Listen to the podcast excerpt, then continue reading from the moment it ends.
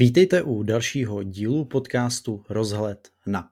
Moje jméno je Adam Pícha a snažím se vám tu odpovídat na vaše otázky, na aktuální témata a obecně to, co vás zajímá. A samozřejmě tu mluvím o tom, co mě obecně velmi baví a je to hlavně svět knih, biznis, ale můžou to být i úplně jiná témata, která ve mně prostě v ten moment rezonují.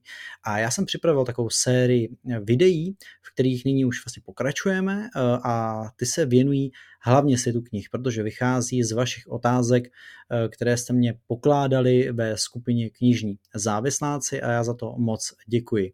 A než se pustíme do toho dalšího tématu, tak vám chci připomenout, že by bylo super mě sledovat tady na YouTube. Klikněte na to tlačítko sledovat, protože je to pro mě nesmírně důležité, ať už máme pokořenu tu bájnou hranici tisíc sledujících, takže za to díky moc. A jakému tématu se dnes budeme věnovat? Padla otázka, jaké jsou předpoklady pro to být knihkupcem a já si k tomu dosazuji, jaké jsou předpoklady pro to být dobrým knihkupcem.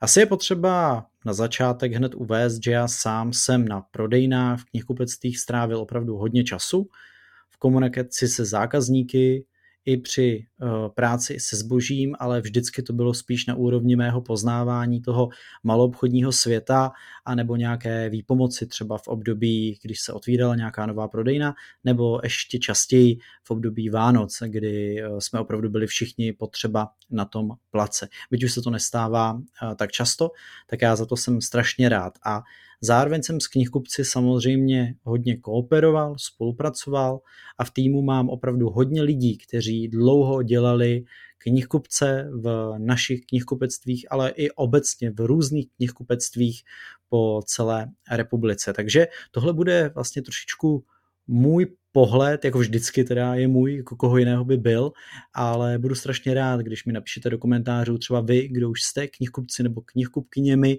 jestli to vnímáte stejně, nebo jestli jsem se v něčem hrozně mýlil.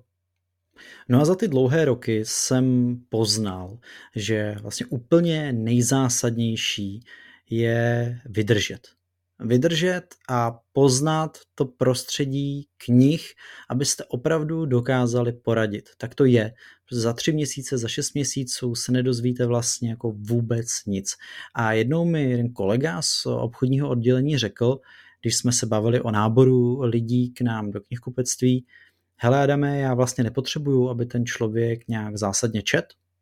On ho ten kolektiv ve výsledku zlomí a on ty knížky začne mít rád a mm, opravdu se stane tím knihkupcem, když jako bude sám chtít a bude mít v sobě právě nějaký ten oheň a to je strašně důležité, protože eh, knihkupec prostě číst musí, pokud chce být jenom trošku dobrý, tak musí ke knížkám mít vztah. Je to prostě svět příběhů a pokud nebudete si po večerech číst nebo brát si knížky na dovolenou, nenajdete v tom tu svoji vlastní jako zálibu a vášeň, tak nikdy nemůžete být dobří.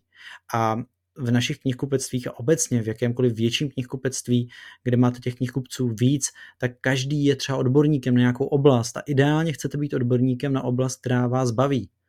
Sci-fi a fantasy, erotická literatura, horory, thrillery, ale klidně i učebnice, světová literatura, klasika.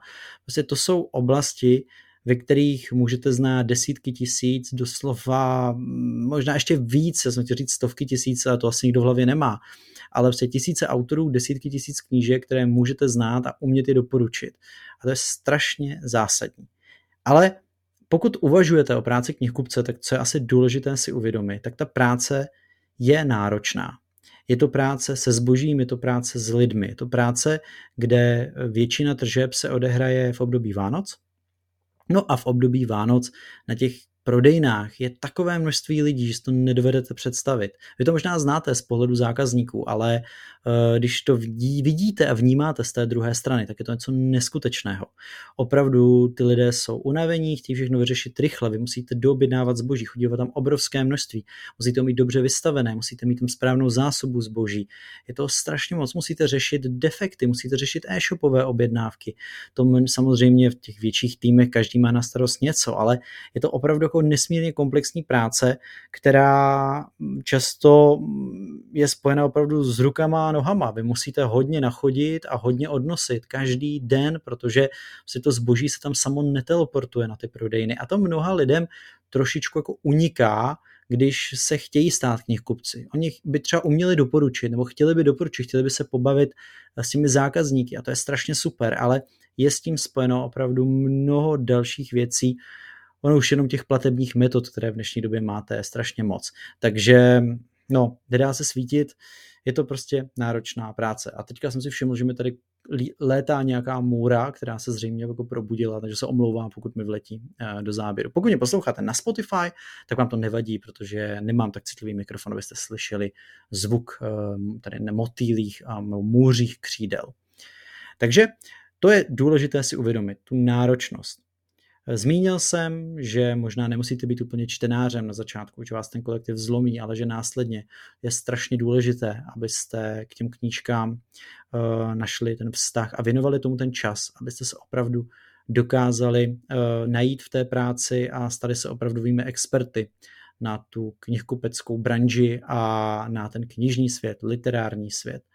No a to je takový základ. A když se zamyslím nad lidmi, nad těmi nejlepšími knihkupci, které jsem znal a poznal, tak vždycky tam byla opravdu jako vášeň, dělali to dlouho, knížkám se věnovali svém, ve svém volném čase, často to byli i geekové, to uznávám, kteří prostě milovali ten svět příběhů, milovali i hry a milovali všechno kolem toho, milovali deskové hry a milovali dračáka a tak. A teď nechci z knihkupců vůbec dělat jako 100% jako geeky ze všech, ale uh, tyhle ti byli prostě jako super, většinou to byli strašně fajn lidi, usměvaví, kteří milovali ten mezilidský kontakt, vlastně tu komunikaci s tím zákazníkem, takže ano, to je další předpoklad, vy musíte mít rádi tu komunikaci, pobavit se s tím člověkem. Já tohle mám třeba strašně rád a když můžu, tak na těch prodejnách nebo obecně se s lidmi bavím, doporučuji ty knížky a snažím se od nich získat nějaké další informace o tom, proč čtou, co čtou, jak to čtou, prostě cokoliv.